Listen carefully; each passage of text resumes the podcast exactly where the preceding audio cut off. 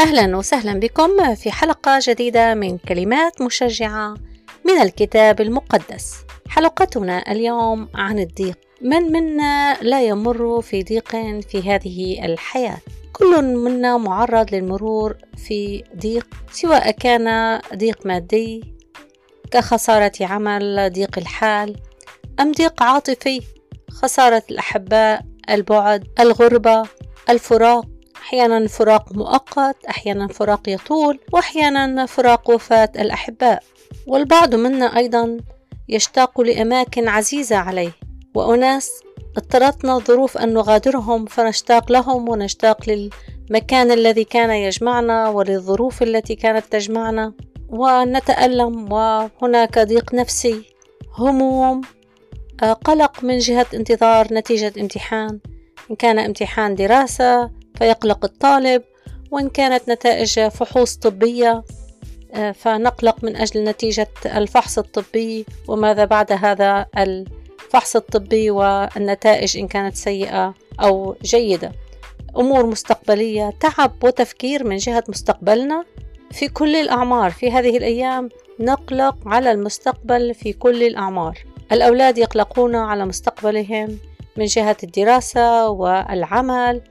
والأهل يقلقون في مشكلة هل كيف نسدد احتياجات أولادنا وكيف نذهب إلى الجامعات لنقدم طلبات لأولادنا ونساعد أولادنا في طلبات الجامعات وماذا الأفضل لأولادنا وهل سنستطيع أن نسدد احتياجات أولادنا حتى يقدرون أن يقفون على أرجلهم. فقلق بالنسبة للأهل حين يسافر الولد. فنحن أيضا نقلق من جهة سفره و أو سفرها ونقلق من جهة وصولهم بالسلامة والظروف التي تحيط بهم. آه، ضيق جسدي أحيانا المرض يطرحنا نضعنا آه، في الفراش لمدة أطول مما نستطيع أن نحتمل.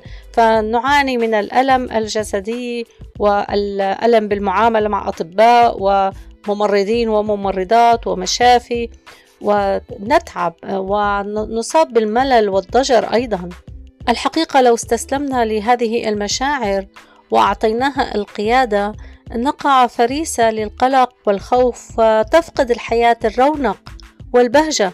تصبح الحياة عبء علينا في كل لحظة وكأن الحياة واجب يجب أن نفعله وننتهي منه. فهذا يجعلنا نخسر رونق الحياة ومتعتها. هل فعلا نحن خلقنا لهذا؟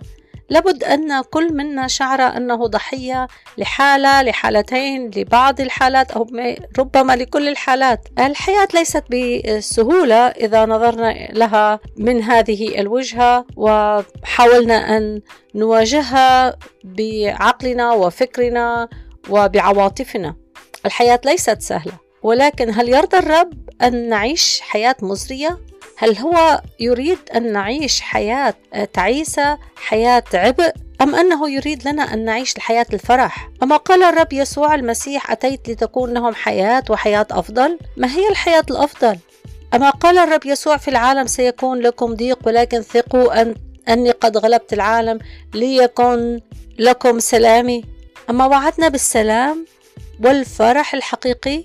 لماذا نعيش آه، تعساء والرب يريد أن نكون فرحين؟ أما قال فرح الرب قوتنا لماذا نحن في ضعف؟ وما الحل وكيف نحل هذه المعضلة الضيق والقلق؟ ليس لنا حل سوى بكلمة الله. فتعالوا نرى ماذا نفعل في وقت الضيق. عندي عدة نقاط. أول أمر نفعله حين نقع في الضيق أن نزداد تمسكا بالرب. نهرب إليه وليس منه. نقوي علاقتنا بالرب.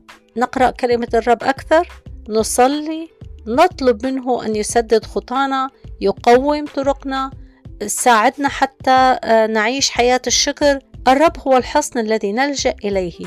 ليس هناك حصن أفضل من الرب في كل حياتنا. المزامير آه، المزمور 37 آه، والعدد 39 يقول أما خلاص الصديقين فمن قبل الرب حصنهم في زمان الضيق هو الحصن في زمان الضيق ثانيا حين تكون الظروف غامضة ولا نفهم ماذا يحصل. كم منا مر في ظروف وقال لماذا يا رب يحصل هذا؟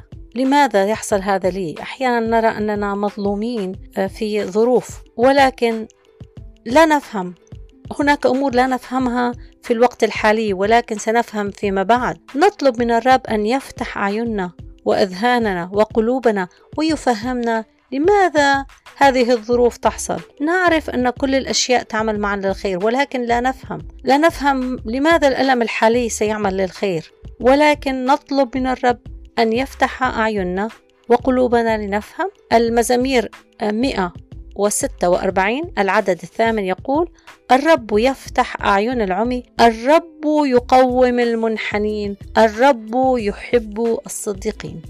ثالثا لا نطرح ثقتنا مهما كان الأمر صعب لا نوجه اللوم للرب. الرب أبر من أن نخاصمه الرب أعلى وأبر وأطيب من أن نوجه له اللوم والعتب. الرب صالح ولا يريد لنا الأذى. هو يحول حتى أصعب الظروف للخير. نتكل عليه ونثق به ونسأله أن يحول هذه الظروف للخير. آه، رأيت هنا في بعض المجتمعات آه، أن هناك من يقول آه، عبارات فعلا أرى صعوبة حتى الآن في تكرارها. يقولون جرحني الرب. لنا مجروح من الرب. لي عتب على الرب. من هو الرب؟ بالنسبة لك هل هو ابن خالتك؟ هذا الرب الذي خلقك؟ هذا الرب الصالح؟ هذا الرب المحب حين تعاتب الرب وتلومه وكأنك تلوم إنسان مقصر وكأنك تريد أن تعلمه ماذا يفعل. لا نوجه أي عتب وأي لوم للرب. كل ما نريده أن نثق بالرب نثق به نتكل عليه أنه إله صالح. قل مع ناحوم. الأصحاح الأول والعدد السابع صالح هو الرب. حصن في يوم الضيق وهو يعرف المتوكلين عليه. مهما كان نقول صالح هو الرب حصن في يوم الضيق. رابعا لا نستسلم لليأس. لا تقل الرب تركني. الرب لن يتركنا. ولم يتركك ولن يتركك. الرب الذي لم يتركنا في الماضي لن يتركنا الآن. لن يهملنا. أحيانا نتعرض لأن نفكر أن الرب نسينا ولكن تذكر قول الكتاب المقدس المزامير السابع والثلاثين والعدد الرابع والرابع والعشرين. إذا سقط لا ينطرح لأن الرب مسند يده. خامسا لا نتخلى عن فرحنا بالرب. نجد أحيانا صعوبة في أن نفرح في الضيقات. نجد صعوبة أن نرنم في الضيقات. ولكن هل جربنا أن نسمع ترنيمة ونرنمها؟ أنا متأكدة أن لو واحد فينا مر في ضيق وفي مرض ورنم سيفرح وكأن الانتصار قد حدث فعلا. رنم وثق أن الانتصار سيحصل؟ لا تتخلى عن فرحك بالرب. فرح الرب هو قوتنا. المزامير الثاني والثلاثين والعدد السابع أنت ستر لي. من الضيق تحفظني. بترنم النجاة تكتنفني. هناك آه، آية تقول أمسرور أحد فليرتل. فنحن تعالوا نرتل. بسرور وكأن الخلاص من هذه الضيق قد حصل. سادسا الرب قادر أن يحيي ويرفع قادر على كل شيء. لا نطرح ثقتنا. يسمح الرب أن نمر بالضيقات. يسمح الرب بالضيقات. ولكن حين نلجأ إليه يجعل هذه الضيقة حجر معونة لننتقل إلى مرحلة أعلى في الإيمان. لمرحلة أعلى في الخبرة. تصبح هذه الضيقة لخيرنا. المزامير الواحد والسبعين والعدد العشرين يقول أنت أريتنا ضيقات كثيرة ورديئة. تعود فتحيينا ومن أعماق الأرض تعود فتصعدنا. سابعا تزول مشاعر اليأس والتذمر حين نبدأ بالشكر. كم من المرات سمعنا علينا أن نتذكر جود الرب وبركاته علينا. ولكن حين نصل إلى مرحلة الضيق ننسى كل الجود وكل البركات وتتحول مشاعرنا من من التسبيح إلى التذمر. تعالوا نحول مشاعرنا من التذمر إلى التسبيح. من نكران جميل الرب إلى العرفان بالجميل. من الحزن إلى الفرح. تعالوا نتوقف قليلا ونعدد على الأقل خمس أمور يمكننا أن نشكر عليها. وأنا متأكدة أن حين نبدأ بالشكر لن نتوقف عند خمس أمور. نحن الآن نسمع هذا البودكاست نعمة السمع. استطعنا أن نتكلم مع شخص حولنا نعمة وجود أشخاص حولنا. استطاع هل هناك سقف فوق رأسنا نعمة أننا عندنا سقف فوق رأسنا. هل عندنا ماء نشرب؟ صدقوني نعمة أن يكون عندنا ماء لنشرب. وتعالوا نعدد من أصغر الأمور. وعندها يتحول كل التذمر إلى فرح. المزامير الثاني والأربعين والعدد أحد عشر يقول لماذا أنت منحنية يا نفسي؟ ولماذا تأنين في؟ ترجي الله لأني بعد أحمده. خلاص وجهي وإلهي. نعم لأني بعد أحمده. أحمد الرب أحمد الرب. أشكر الرب. لا تأني يا نفسي. لا تأني يا نفسي. لا تنحني يا نفسي. لأني أريد أن أحمد الرب وأريد أن أفرح. وأريد خلاص الرب ووجه الرب إلهي ننتهي آه، هذه الحلقة عند النقطة السابعة ونبدأ في الحلقة القادمة في النقطة الثامنة. شكرا لاستماعكم لهذه الحلقة من كلمات مشجعة من الكتاب المقدس. أرجو لكم يوما سعيدا. بمعونة الرب وسلام الرب يسوع يكون معكم كل الأيام.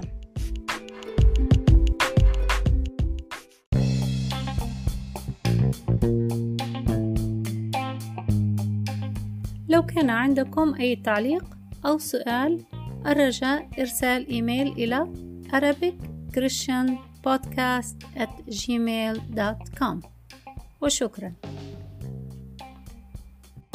thank you